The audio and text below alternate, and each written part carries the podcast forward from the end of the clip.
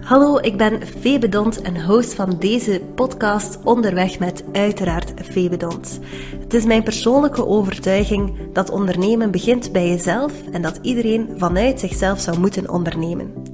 Het is dan ook mijn missie om Vlaamse ondernemers te inspireren en te motiveren om zich op een nuchtere en authentieke manier te profileren, dankzij personal branding. En personal branding is dan ook meteen het hoofdonderwerp van deze podcast, naast online zichtbaarheid, mindset en netwerken. Ik ben immers ook de oprichter van netwerkorganisatie overondernemers.be. Laat je inspireren en veel luisterplezier. Welkom, Michael Humblay. Welkom in mijn podcast Onderweg met Febe Dont. Ik ben heel blij om jou hier te mogen verwelkomen, want jij bent zaakvoerder van Keomatic uh, en ook referentie op het vlak van sales in Vlaanderen. Ik volg je al een tijdje op LinkedIn. Eigenlijk kennen we elkaar nog niet zo goed, maar ik ben dan ook naar jullie sales-event gekomen in Leuven begin juni.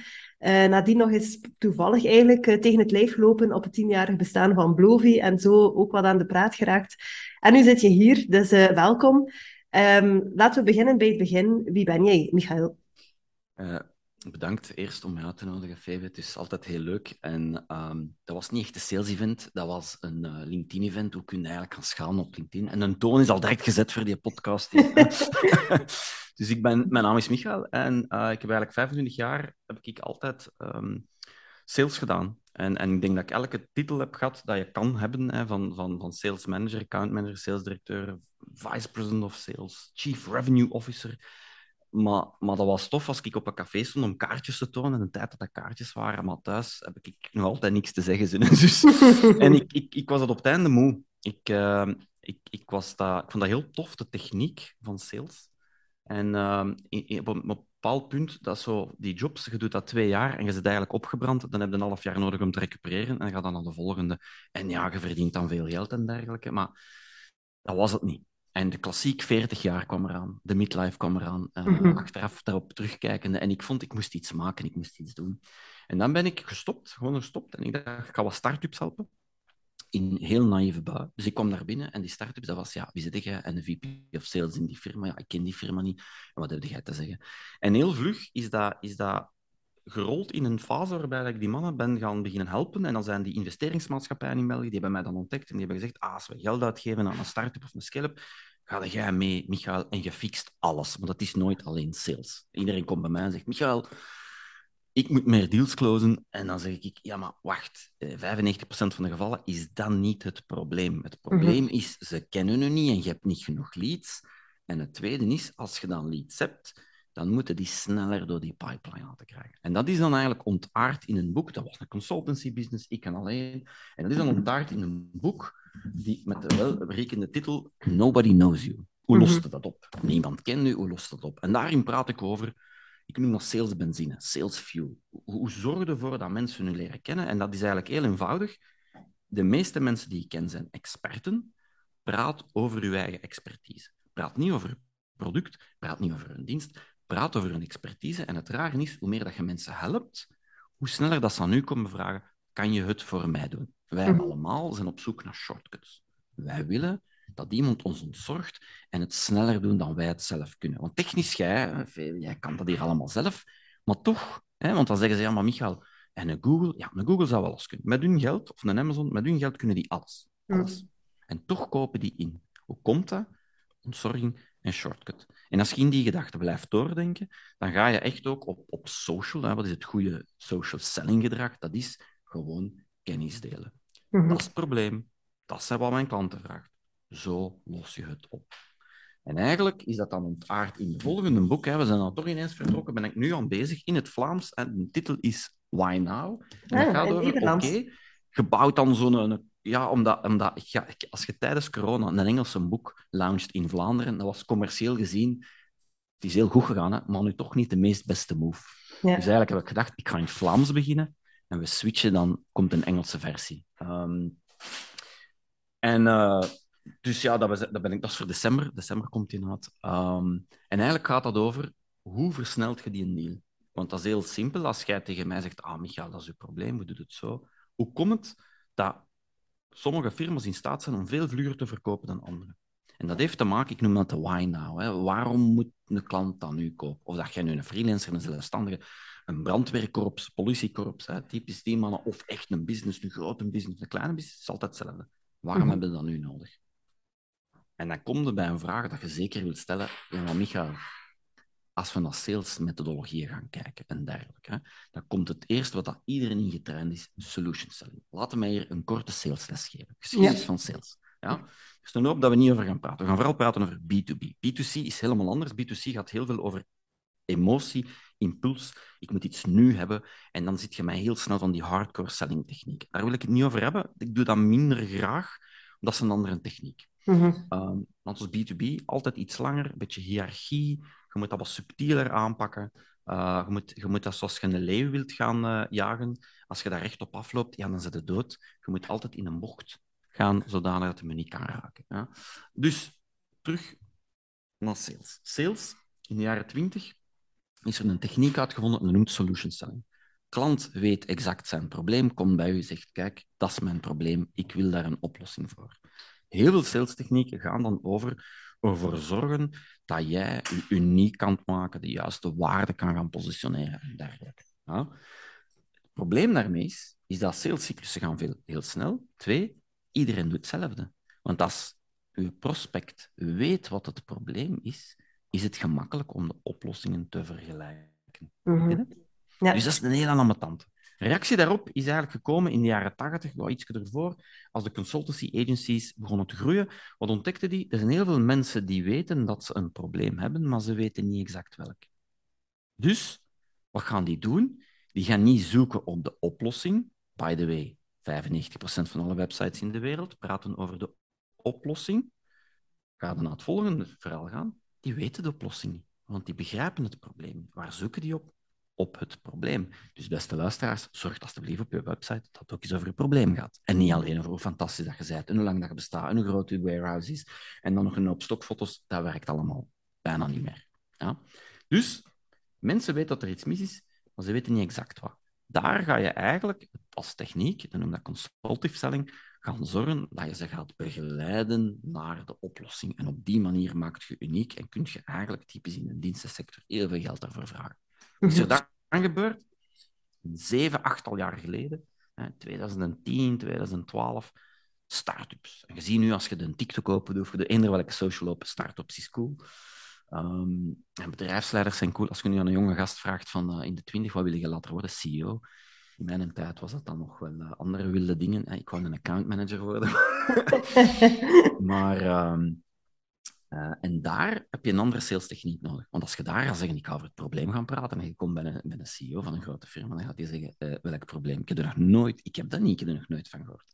Sales techniek daar is provocative selling.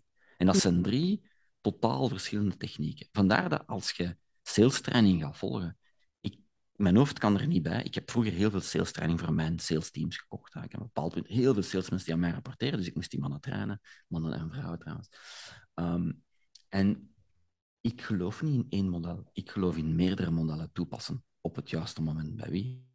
En, en typisch zien, en zo begint mijn salesles altijd, is als je naar de wereld, je verkoopt een, heel eenvoudig, je verkoopt een brandblusser, je stapt de wereld in, ja, dan zoekt je naar een huis dat in brand staat. Je klopt op de deur, als er nog een deur in staat, en je zegt, je hebt hem nodig, je moet hem kopen. En dan kunnen praten, ik heb een groene en een rode, je weet, hè? alle mogelijke salestechnieken. Maar als je naar de wereld gaat kijken, staat er maar 2% van de wereld in brand. Het is eigenlijk, de statistiek is 2,6. 2,6% staat in brand. Mm Maar de rest niet. Dus dat wil zeggen, als jij met een brandblusser hier bij mij op de deur komt kloppen, dan lach ik je uit. Dan zeg ik, ja, dan kun je nog zeggen een groene en een rode. Dat maakt mij niet uit. Ik heb het niet nodig. Mhm. En eigenlijk, al naar gelang hoe dat je met iemand babbelt, ga je direct begrijpen van, oké, die zijn kot staat in brand, of ik ben veel te vroeg, of ik ben te laat. En dat zijn voor mij drie totaal verschillende salestechnieken. En dat is eigenlijk in, in salesles, dat is de les dat ik graag had willen kopen toen. Dat is niet van, en wat moet ik nu aan de telefoon zeggen, en nu moet ik exact dat techniekje toepassen. Nee, dat is, je moet een iets breder palet hebben, dat je weet, ik heb twee, drie verhalen nodig in mijn hoofd om te kunnen toepassen waar dat zal zitten. Nog zoiets in B2B, dat is, de, statistiek zegt dat je gemiddeld, vijf, dat hangt er vanaf welke business en welk bedrag, dat je ongeveer vijf, zes meetingen, soms acht, nodig hebt om een deal te closen. Dus wat doen al die sales verkeerd? In de eerste meeting proberen ze je te closen. Dat gaat niet lukken. Zeker met complexe dingen. Je hebt een, meerdere meetings nodig. Dus het doel van je eerste meeting is een tweede meeting te krijgen. En als je zo gaat beginnen denken, dan ga je ook beginnen denken over, maar wat ben ik hier eigenlijk aan het vertellen in mijn eerste meeting? Ik ben alles aan het tonen. En je Mhm. weet, als een man denkt, ik wil een vrouw, ik wil er iets mee uitsteken, en ik stap de straat op en ik trek mijn broek af en ik zeg, hier is het. Wij weten alle twee wat er gaat gebeuren. Ik ga de Mhm. lak in. Mhm. Ja, maar dat doen we al, die salesmensen en bedrijfsleiders. Hier is alles wat ik heb en ik babbel erover en ik toon het en ik doe maar. Nee, je moet een beetje mysterie houden, want je hebt die tweede meeting nodig. Geraakt jij naar die tweede meeting, is je slaagpercentage gaat omhoog met maal factor 3. Mhm. Dus meestal is dat bij mij van, bijvoorbeeld, hè, tips en techniek is, je moet de eerste meeting kort houden. Waarom, waarom nog de tijd van de uur en de twee uur en de eindeloze? Nee, bewust. Ik heb 20 minuten. Je krijgt niet alles verteld in 20 minuten. Je moet een tweede meeting. En je gaat weten of dat je een tijd voor doet of niet. Ja. Dus eigenlijk, als ik het goed versta, is eh, uw klant voeden met waarde eh, in de eerste fase heel belangrijk. En dat brengt me eigenlijk even terug bij eh, jouw verhaal eh, en bij jouw bedrijf. Jouw baseline is daar, wij bouwen ehm, jouw B2B contentmachine. Ja. Hoe Ja. kadert dat in, in een salesproces? En ehm, Dus wat, wat, Ja. wat ik zag, was die mensen die kwamen bij mij en zeiden, ah, we moeten meer closen, we hebben meer business nodig. En dan begon ik te kijken in die business. En dan zei ik, ja, maar je hebt, je hebt, je hebt, je hebt niks dat binnenkomt. Je hebt de typische referral dat binnenkomt. Hè? Een vriend heeft gezegd dat, supergoeie business, dat is allemaal goed. Maar als je echt wilt schalen, kun je daar niet op leven. Dan mhm. moet je echt naar mensen gaan dat je niet kent en je moet die gaan benaderen met een boodschap en je moet zorgen en je moet dat op schaal gaan doen. En zo is die een boek ontstaan, hè, Nobody Knows You. En wat ik daarin uitleg, is eigenlijk een mechanisme om heel veel materiaal te gaan maken, content. En we, gaan nog niet praten over waar, maar we praten over gewoon het materiaal dat je kan gaan verdelen. Want, als je goed herinnert wat ik je daar juist heb gezegd, je doel van je eerste meeting is om naar je tweede meeting te gaan. Het salesmodel nu is gebouwd om te kunnen teruggaan als iemand nu nog niet geïnteresseerd is. Superbelangrijk. Moet kunnen teruggaan. Dus als ik al mijn kruid verschiet en zeg, dat, dat is mijn product en dan, ik kan niet meer teruggaan. Dus ik begon erover na te denken van, hoe kan ik teruggaan? En blijven teruggaan. Mhm. De enigste manier om dat te doen, is om informatie te geven waar dat de mensen iets aan hebben in hun business. Dus moeten wij content gaan maken. Het probleem met content is, als ik het al zeg, en ik zeg het woord TikTok en ik zeg YouTube Shorts en ik begin van alles te zeggen, dan begint iedereen te zuchten en te denken, nee, moet ik nu weer een foto gaan posten op Instagram? Mhm. Om dat op te lossen, ben ik daar beginnen over nadenken en heb ik gedacht, tja, wat indien dat ik dus nu op één dag genoeg materiaal zou kunnen maken voor zes, zeven maanden? Mhm. En het concept daarachter is dat je eigenlijk, je gaat op één dag, wij doen dat met video, maar je kunt dat ook doen met andere zaken, je gaat op één dag zoveel mogelijk materiaal proberen maken. Dus wat los ik fundamenteel op? Tijd. Mm. Iedereen is druk. Dus als je iets moeilijk kunt oplossen voor een bedrijfsleider, want zijn concurrent gaat ook geen tijd hebben, maar als hij tijd kan oplossen, dan wint hij. En zo Mhm. simpel is het. Hè? En ik zie dat heel veel met marketing en online. eh, het is niet het beste product dat winnen. Dan zeg je, ja, maar ja, ik heb het beste product. Dat werkt niet. Het is het verhaal dat je brengt, die content. Dus die B2B contentmachines is eigenlijk ontstaan omdat mensen zeggen, ja, ik- ze kennen me niet, ik heb, ik heb meer benzine nodig in die motor, die salesmotor. Dus wat zijn we dan beginnen doen? We zijn beginnen filmen en wij maken dan op één dag 20, soms, soms 30 video's. En dan elke week wordt dat dan gepost. En zo kun je eigenlijk met je eigen expertise, en dat is nog heel natuurlijk, heb je materiaal dat je mee kan teruggaan. Eigenlijk is dat gewoon hardcore sales in een marketingjasje ingepakt. Ja. Ja, je spreekt, eh, Mijn marketeers zitten hier, dat ze niet boos op mij worden. ik hoor jou inderdaad heel veel spreken over sales. Ehm, Ja. In hoeverre zijn daar eh, met die methodes van vandaag raakvlakken ook met personal branding? Want personal branding is natuurlijk Ja. iets, ja, dat moet authentiek zijn, dat is duurzaam en dat duurt Ja. wel even. Ja. Ik hoor bij Ja, jou ja. vooral eh, gaan. Gaan, je moet geen schrik hebben. Ehm, en, en je ziet dat heel veel. Ik kom mensen tegen die ongelooflijk goed in hun vak zijn en niemand kent ze. Mm. En dat effect moet er door. En je moet eigenlijk je eigen wel op dat podium zetten. En je moet daar zitten. En je moet gewoon praten over wat je het sterkst in voelt. En wat is dat? Je eigen expertise, wat het ook mogen zijn. En dan komt heel snel bij personal brand. Hè? Want dan is de vraag, ja, maar wacht even, Micha. Is het de firma of is het de personal brand? Een van de zaken dat, dat mij begon op te vallen is, als ik op LinkedIn, neem één voorbeeld, daar werkt dat zeer goed. Als ik als persoon iets post, dan zag Mhm. ik dat mensen gingen opzoeken, ja, maar wie is die Michael? Ah, die heeft een firma Chaomatic. En ik zag de trafiek, dus ik post persoonlijk iets en ik zag een trafiek op mijn website, mijn company website, omhoog schieten. Toen dacht ik, aha, dus er is een correlatie tussen wat jij als, als, als, als bedrijfseigenaar of werkt in een bedrijf of een freelancer, maakt dat niet uit, en als iets post, kennis en het aantal bezoekers naar je website. Dus dat kun je volledig gaan uitspelen. Vandaar dat ik heel veel les geef over LinkedIn. Dat is heel veel techniek om dat te doen. En dan kom je heel snel in, in zo van die conflict situaties. Ja, maar wacht, ik heb een werknemer, die is hier van alles aan het zeggen, en die gaat morgen weg. Mag ik dat wel doen? Voor mij is het heel simpel, hè? beste luisteraars, beste VW.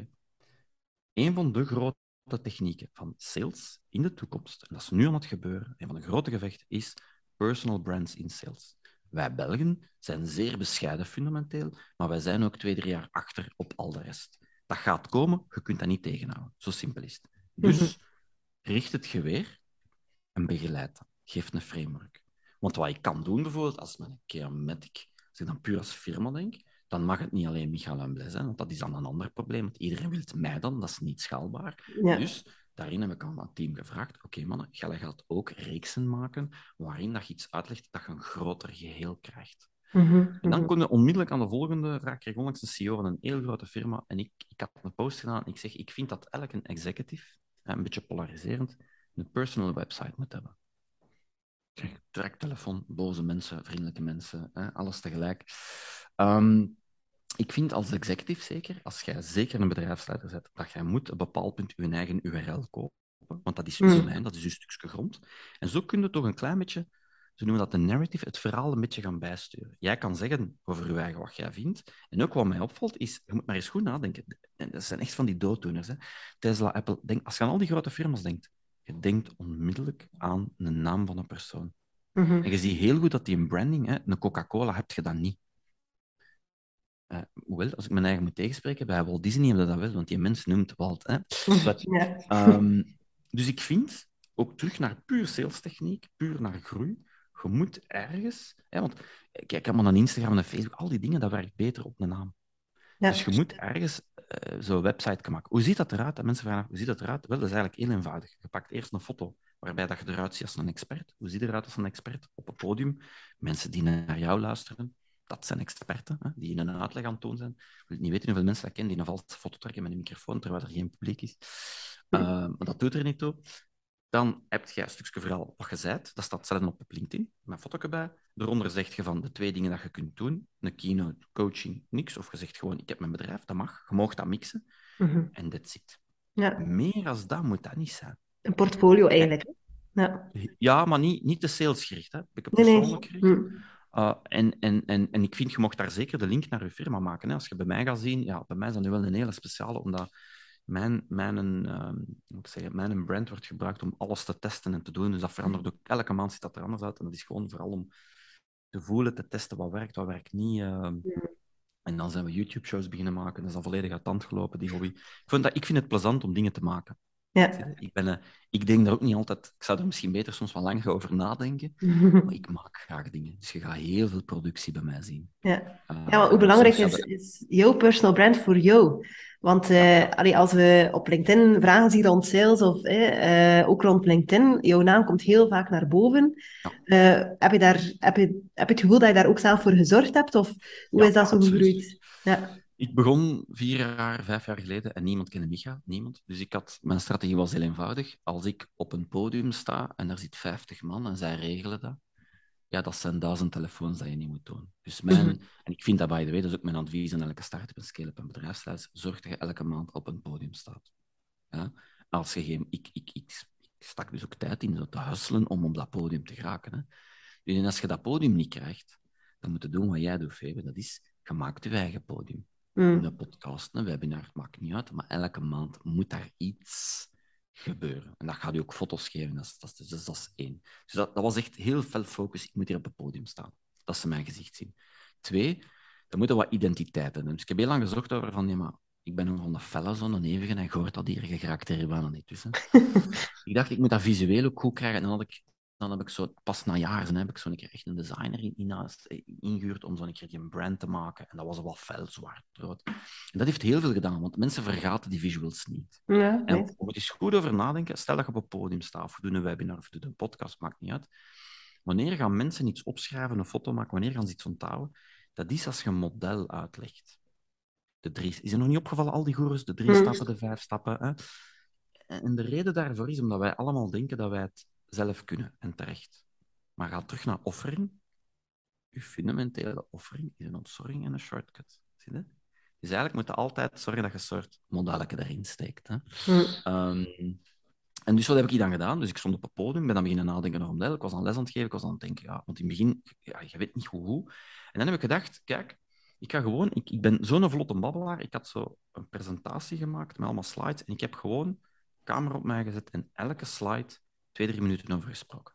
En zo had ik direct 30 filmpjes. En dan heb ik gedacht, voort, ik ga dat gewoon posten, we zien wel. En dan heb ik elke week, en de laatste vier jaar, bijna elke week, behalve in de vakanties, dus zoals nu bewust, ga daar niet veel van mij horen, heb ik elke week iets gepost. En dan heb ik een hele lepentruc gedaan.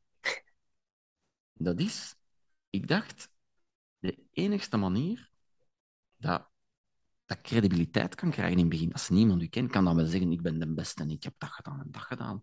Maar je bent nooit de beste, er is altijd iemand beter. Hè? Hm. Dan dacht ik, verdekken. Ik, hoe ga ik dat oplossen? Ik ben dan beginnen gewoon echt mijn kennis delen. Echt lesgeven.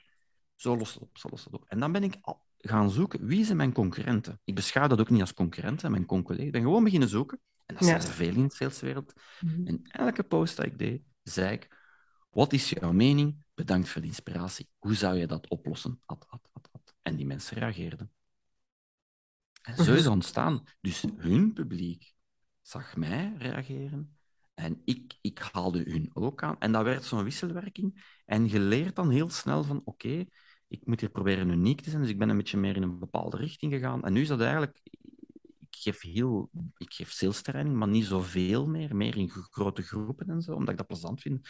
Om zo wat podium. En dat is heel tof, die interactie. Maar al die gasten, ja, die, die, geven, die, die doen dat allemaal heel goed. Hè. Maar ik heb Mm. daar een niche in gevonden, mij van ja, veel lawaai maken en zoveel mogelijk goede content geven. En ondertussen gelukkig te zijn met het creatie, het werk zelf. Ja. En hoe ver ben je dan zelf nog bezig met de kern van jouw eigen personal brand? Want als je over salesmensen wordt er ook, heel- nu je bent ook ondernemer, dat is misschien nog anders, maar van salesmensen wordt er wel een keer gezegd, zo een beetje sluw of eh, eh, Ja. niet altijd even Ja, dat is authentiek. ja, dat is ook omdat dat vooral gestuurd is door de B2C. Hmm. Technieken, hè? always be call, closing en al die films en zo. Ik doe dat allemaal niet. Ik doe bewust alle andere dingen, ehm, Mhm. om, omdat ik juist dat onverwacht wil maken. Ehm, ik denk dat ik nu 75, 80 procent van mijn tijd steek in Chematic, dus de, dus de agency, de content agency en hoe dat we dat allemaal maken. En 20 procent steek ik echt nog in zo wat podium keynotes, wat consulting ook nog, echt wat meer strategie, wat, wat, hoe, wat zit erachter, hoe doe je dat en zo. En die balans is moeilijk hoor. Je hebt zo de Mm. neiging om, om Ja. ik probeer ook, ik probeer ook echt mijn tijd te steken in, in, in die firma, om, om de simpele reden dat dat, moet ik het zeggen, dat, dat is meer schaalbaar. En ook niet Mhm. alleen. Ik heb vier jaar alleen gewerkt, ik werd zot op het einde. En dat was, Ja. mijn, hoofd brandde door, dat was niet goed. Ja. Maar je bent wel bezig met wat dat uw persoonlijke doelen zijn, ook al is dat met dat bedrijf. En, en Ja. om eigenlijk een loopbaan of carrière voor jezelf te creëren waar dat je gelukkig van wordt. Ja. Eigenlijk wel. Ja. Eigenlijk wel. En ik heb onlangs een aanbod gehad om ehm, een, ehm, moet ik dat uitleggen, zonder, zonder al te veel te zeggen. Hè? Dus iemand, ze hadden mij een, een, een grote investeringsgroep had aan mij gevraagd van we willen eigenlijk een firma, een grote consultancy uitbouwen in het salesdomein. En we Mhm. willen nu als leider daarvoor hebben. En ik zeg, ja maar, dan zeg je, maar maak je geen zorgen. Jij komt binnen, jij komt al je modellen en wij, zetten mensen, wij bouwen dat voor u mee uit West-Rond. En we geven u een zeer grote startersfee. Krijgt een hoop geld van ons. Plus we betalen zoveel per maand. Ik kan u zeggen, het was echt om slik te, te doen. En ik ben thuisgekomen en ik heb gezegd tegen mijn vrouw, zeg, kijk, eh, dat is het aanbod. En die, dat was heel raar. Ik dacht, ja, nu gaan we weer zo eens een gesprek hebben. En die keek naar mij en zegt, maar je bent toch gelukkig nu? Wat is het probleem? En Mm. ik zeg, ja, dat is eigenlijk waar. En ze zegt, dat is, geen, dat is niet eens een keuze. Ja. En dat is waar. En dan Mhm. moet je goed nadenken van waar word je gelukkig van. En dat is eigenlijk heel straf. Ik vind het, het maken, het nadenken, het, het, het brullen aan die, zo van, ja, maar hoe moet zo'n model in elkaar zitten en wacht. En dan ineens heb je het idee van, ah, dat. En ja, dat vind ik, daar word ik heel gelukkig van. Mhm. Maar Ja. dat, dat heeft wel, tot mijn veertigste wist ik wat ik niet wou. Het is mhm. nu pas, ik ben net 46 geworden, het is nu pas eigenlijk de laatste twee jaar dat ik weet wat ik wel wil. Dus dat is heel moeilijk. Hè? Eh, ja. Als ik iets vragen van ja, maar ja, ja, ja. Mm. ik heb er nog 40 jaar over gedaan. Hè.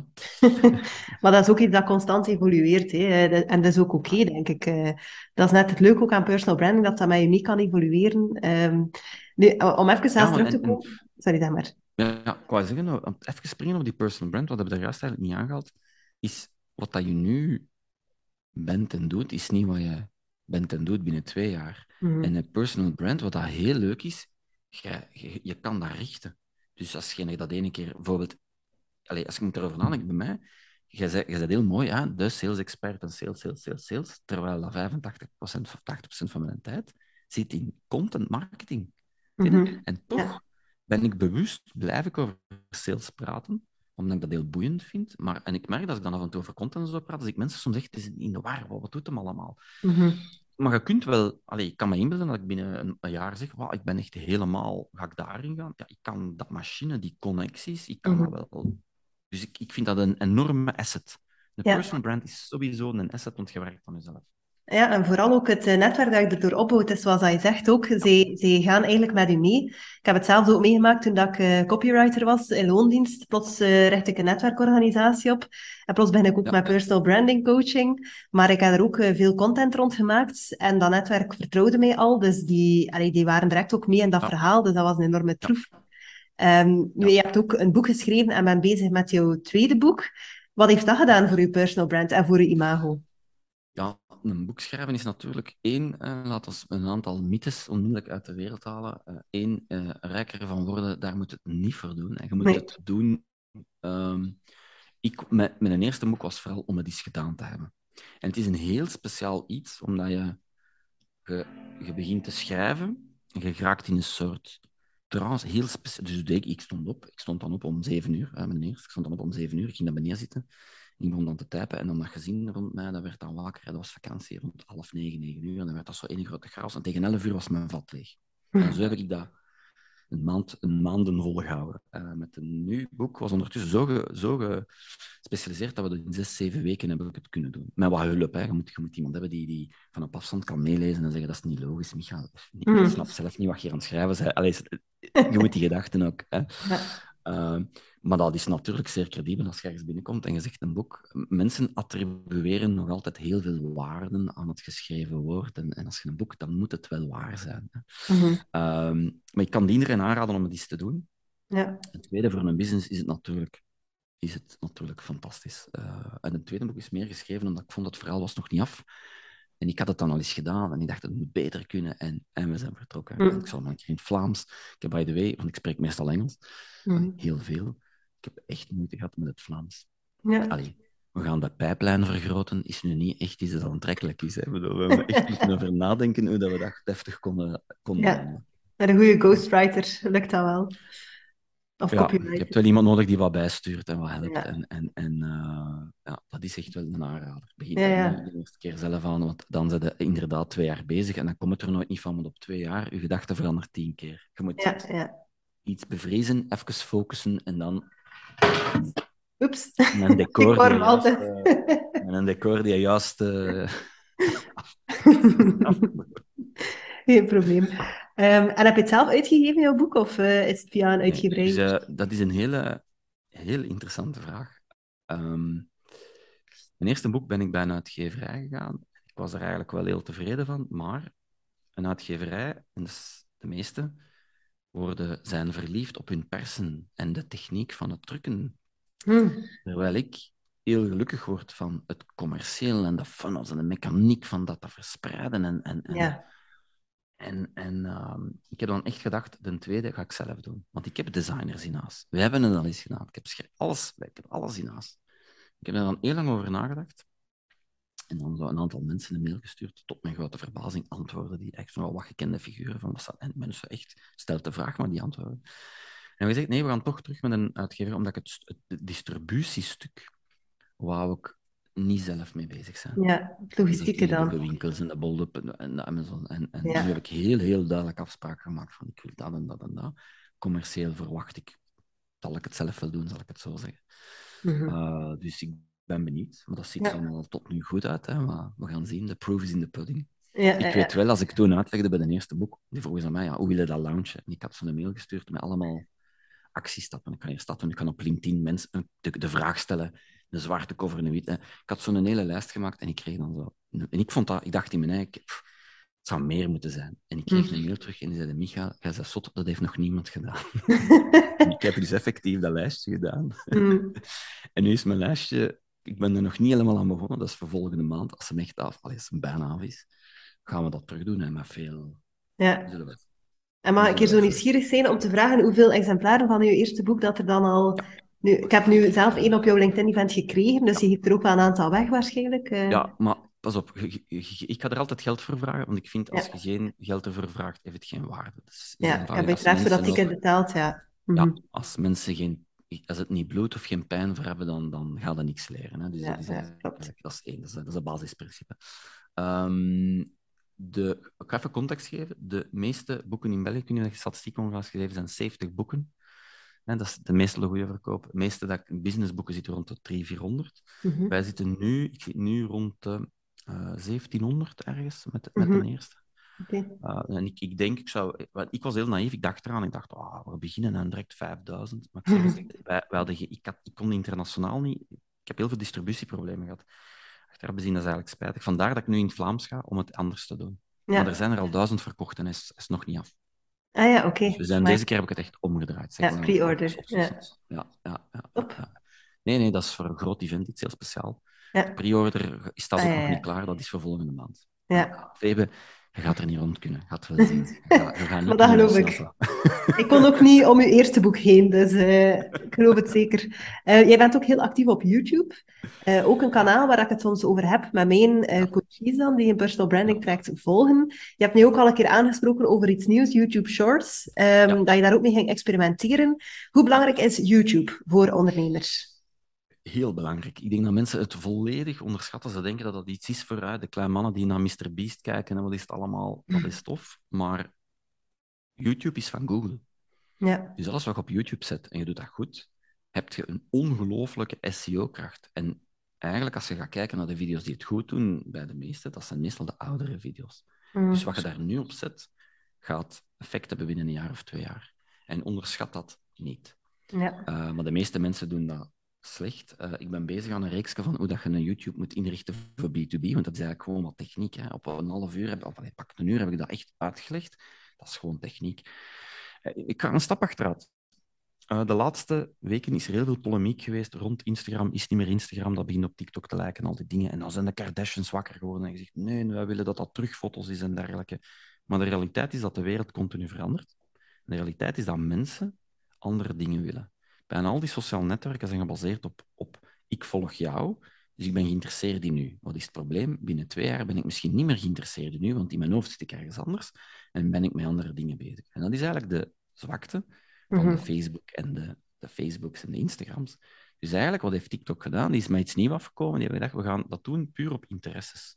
Interesses die veranderen. Dus minder afhankelijk van de persoon, mhm. maar volg interesses. Vandaar dat je ook ziet dat die fiets die doen raar dingen soms. En dat je denkt, soms is dat deze morgen, dacht ik, hoe kan TikTok weten dat ik met een bepaald onderwerp bezig ben? Wat hebben ze ook gezegd? Ze gaan, hè, zowel Facebook heeft gezegd als Instagram heeft gezegd, ze gaan video prioritiseren. Dus, als je dat zeggen, waarom blijft dan iedereen foto's posten en de stories? Nee, mm -hmm. ze zegt, wij gaan video prioritiseren. Dus wat doe je? Je neemt eigenlijk het fameuze reel-formaat, en je neemt eigenlijk met je gsm, neemt je zo op, houdt dat heel kort, en datzelfde formaat kun je gebruiken op een TikTok, kun je gebruiken op een Instagram, kun je gebruiken op een Facebook, en kun je gebruiken op YouTube Shorts. YouTube Shorts is niet echt iets nieuws, dat is iets dat al even bestaat, maar dat is een antwoord eigenlijk op wat ze zien bij TikTok. Moet u de TikTok ziet 1,2 miljard gebruikers op, YouTube Shorts 1,4 miljoen. En wat zie ik nu in mijn statistiek, en dat gaat de post zijn van deze week op LinkedIn, hè, tegen dat deze podcast mhm. komt, kijk mhm. maar eens in de geschiedenis. Dat is als ik kijk naar mijn YouTube, dan zie ik dat de laatste, het laatste jaar, het laatste 365 dagen, dat er een heel aantal shorts in de top 5 aan het sluipen zijn. Dus dat wil toch zeggen dat je eigenlijk met dat kort formaatje heel ver, mhm. heel veel aandacht kunt krijgen. Dus mensen, YouTube is voor mij een no-brainer. Video is ook een no-brainer. Is het moeilijk? Ik snap het. Vandaar dat ik een firma heb opgericht. Hè. Dat is gemakkelijk op te lossen. Dat is puur techniek. Hmm. Doe dat in één keer. Dan zit je gerust voor zes maanden. Maar je kunt niet rond YouTube, je kunt niet rond dat short formaat. Ja. Dus in plaats van te blijven doen wat iedereen doet, zijn foto kunnen zetten, probeer eens iets nieuws. Mhm. Maar dat is raar, hè. ik zal je iets heel raar vertellen. Als ze mij filmen, dat gaat goed. Maar als ik zo zelf mijn eigen moet filmen, zo, met de camera, dat kan ik niet. Ik heb juist het omgekeerde. Als ik iets moet opnemen en er zitten mensen op te kijken, dan vind ik dat vrij ongemakkelijk. Ik doe dat liefst van al alleen, waar dat er niemand bij is. Ja. Ja, ik, mijn, eerste, mijn eerste heel naïef, eh, in, in de, als we dus begonnen met de eerste YouTube-show, dan had ik tegen mijn eh, cameraman toen gezegd, kom, we gaan dat in het midden van de mer opnemen. Ik schrik, we gaan in het midden van de mer. Dus ik stap daar op de mer, we zetten die camera op, camera gaat aan en ik moet iets zeggen, hallo, hallo alles verkeerd, want je leert dat dan ook. Hallo, mijn naam is Michael, terwijl dat je nooit zou mogen beginnen, Hmm. want dat staat daarin. Hè. En dat was echt niet te doen, joh. stress. En daar komt ik weet niet hoeveel volk rondstaan. En toen dacht ik, ja, dat is toch ook niet echt... eh, Direct een vuurdop. ja, ja. Wat misschien... Maar in principe moet dat leren om. Ik, dat is ook een goed verhaal, want dat vond ik. Ik had, ik had ehm, een drietal jaar geleden of viertal jaar geleden had Blovi, de mannen van Blovi, had een soort entre- entrepreneurs summit eh, gedaan. Ze had toen een andere naam, de, de- niet de Next, maar dat ze had dan een naam gegeven. En ze doen dat nu terug, 8 en 9. Ja, eh, Ik ga er zijn. Ja, voilà, dan gaan we elkaar daar zien. En Hmm. ehm, ik had gevraagd aan de Marnik, Marnik, mag ik mijn YouTube-show bij u opnemen? En ik interview en ik zet gewoon uw logo ermee in. En de Marnik die had gezegd, ja, doe maar. Ik vond dat eigenlijk straf. En dat was fantastisch. Sindsdien ken ik Marnik, we kennen elkaar goed.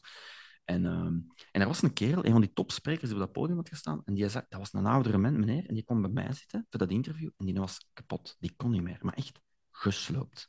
En ik dacht, en dat was tegen zijn goesting, die zat er te grommelen. En ik dacht echt, oh my god, dat gaat hier nooit goed komen. Hè? En die zei op een bepaald punt tegen mij, eh, ja, Michael, eh, zeg als de camera, als je, als je begint.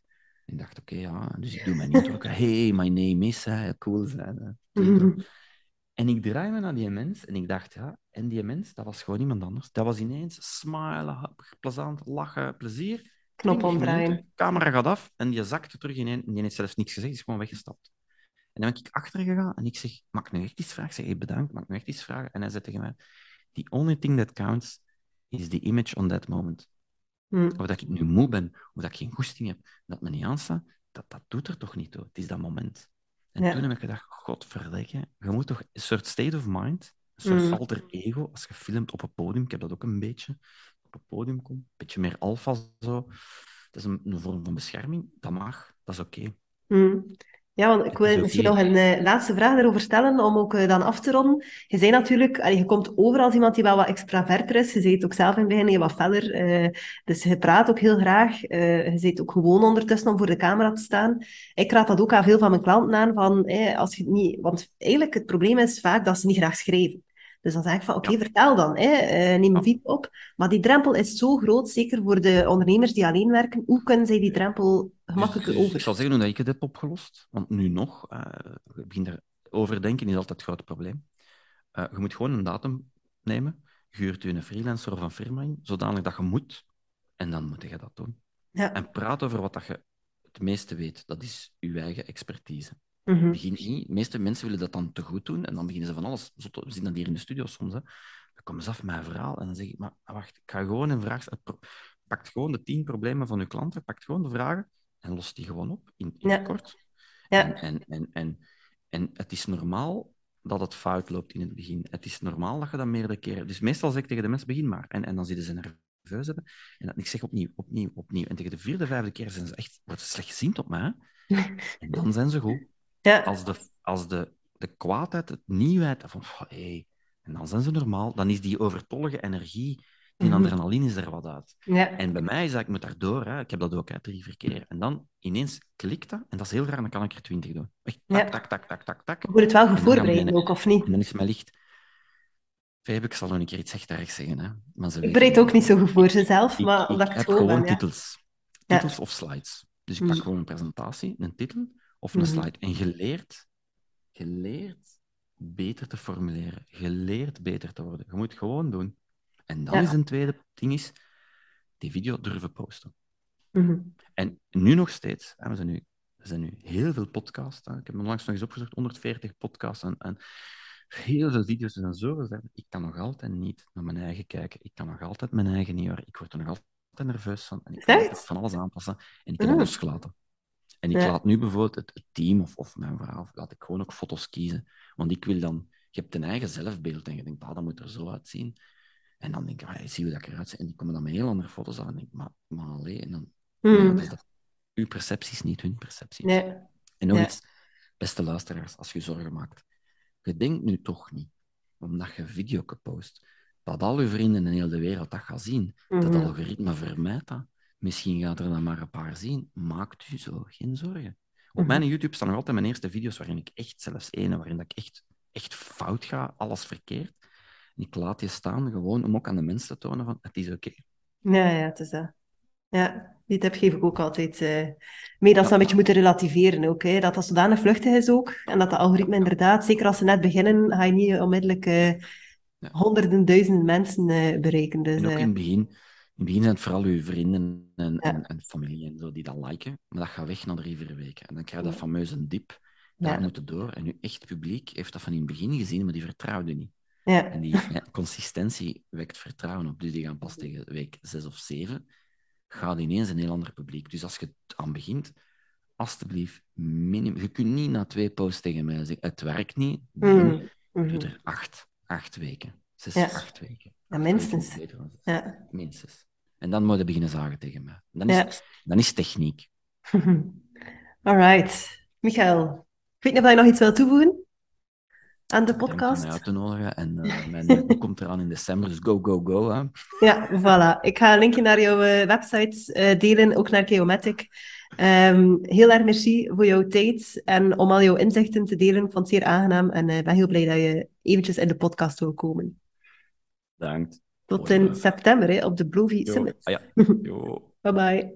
Bye. Zo, dat was het. Ik hoop dat deze aflevering jou geïnspireerd heeft en dat je er iets voor jezelf uit kon meenemen. Je zou mij een heel groot plezier doen met een review in jouw favoriete podcast-app, zodat ik nog meer ondernemers kan bereiken en inspireren over personal branding, netwerken, mindset, het ondernemen op zich. Dankjewel om te luisteren en heel graag tot de volgende. Bye bye.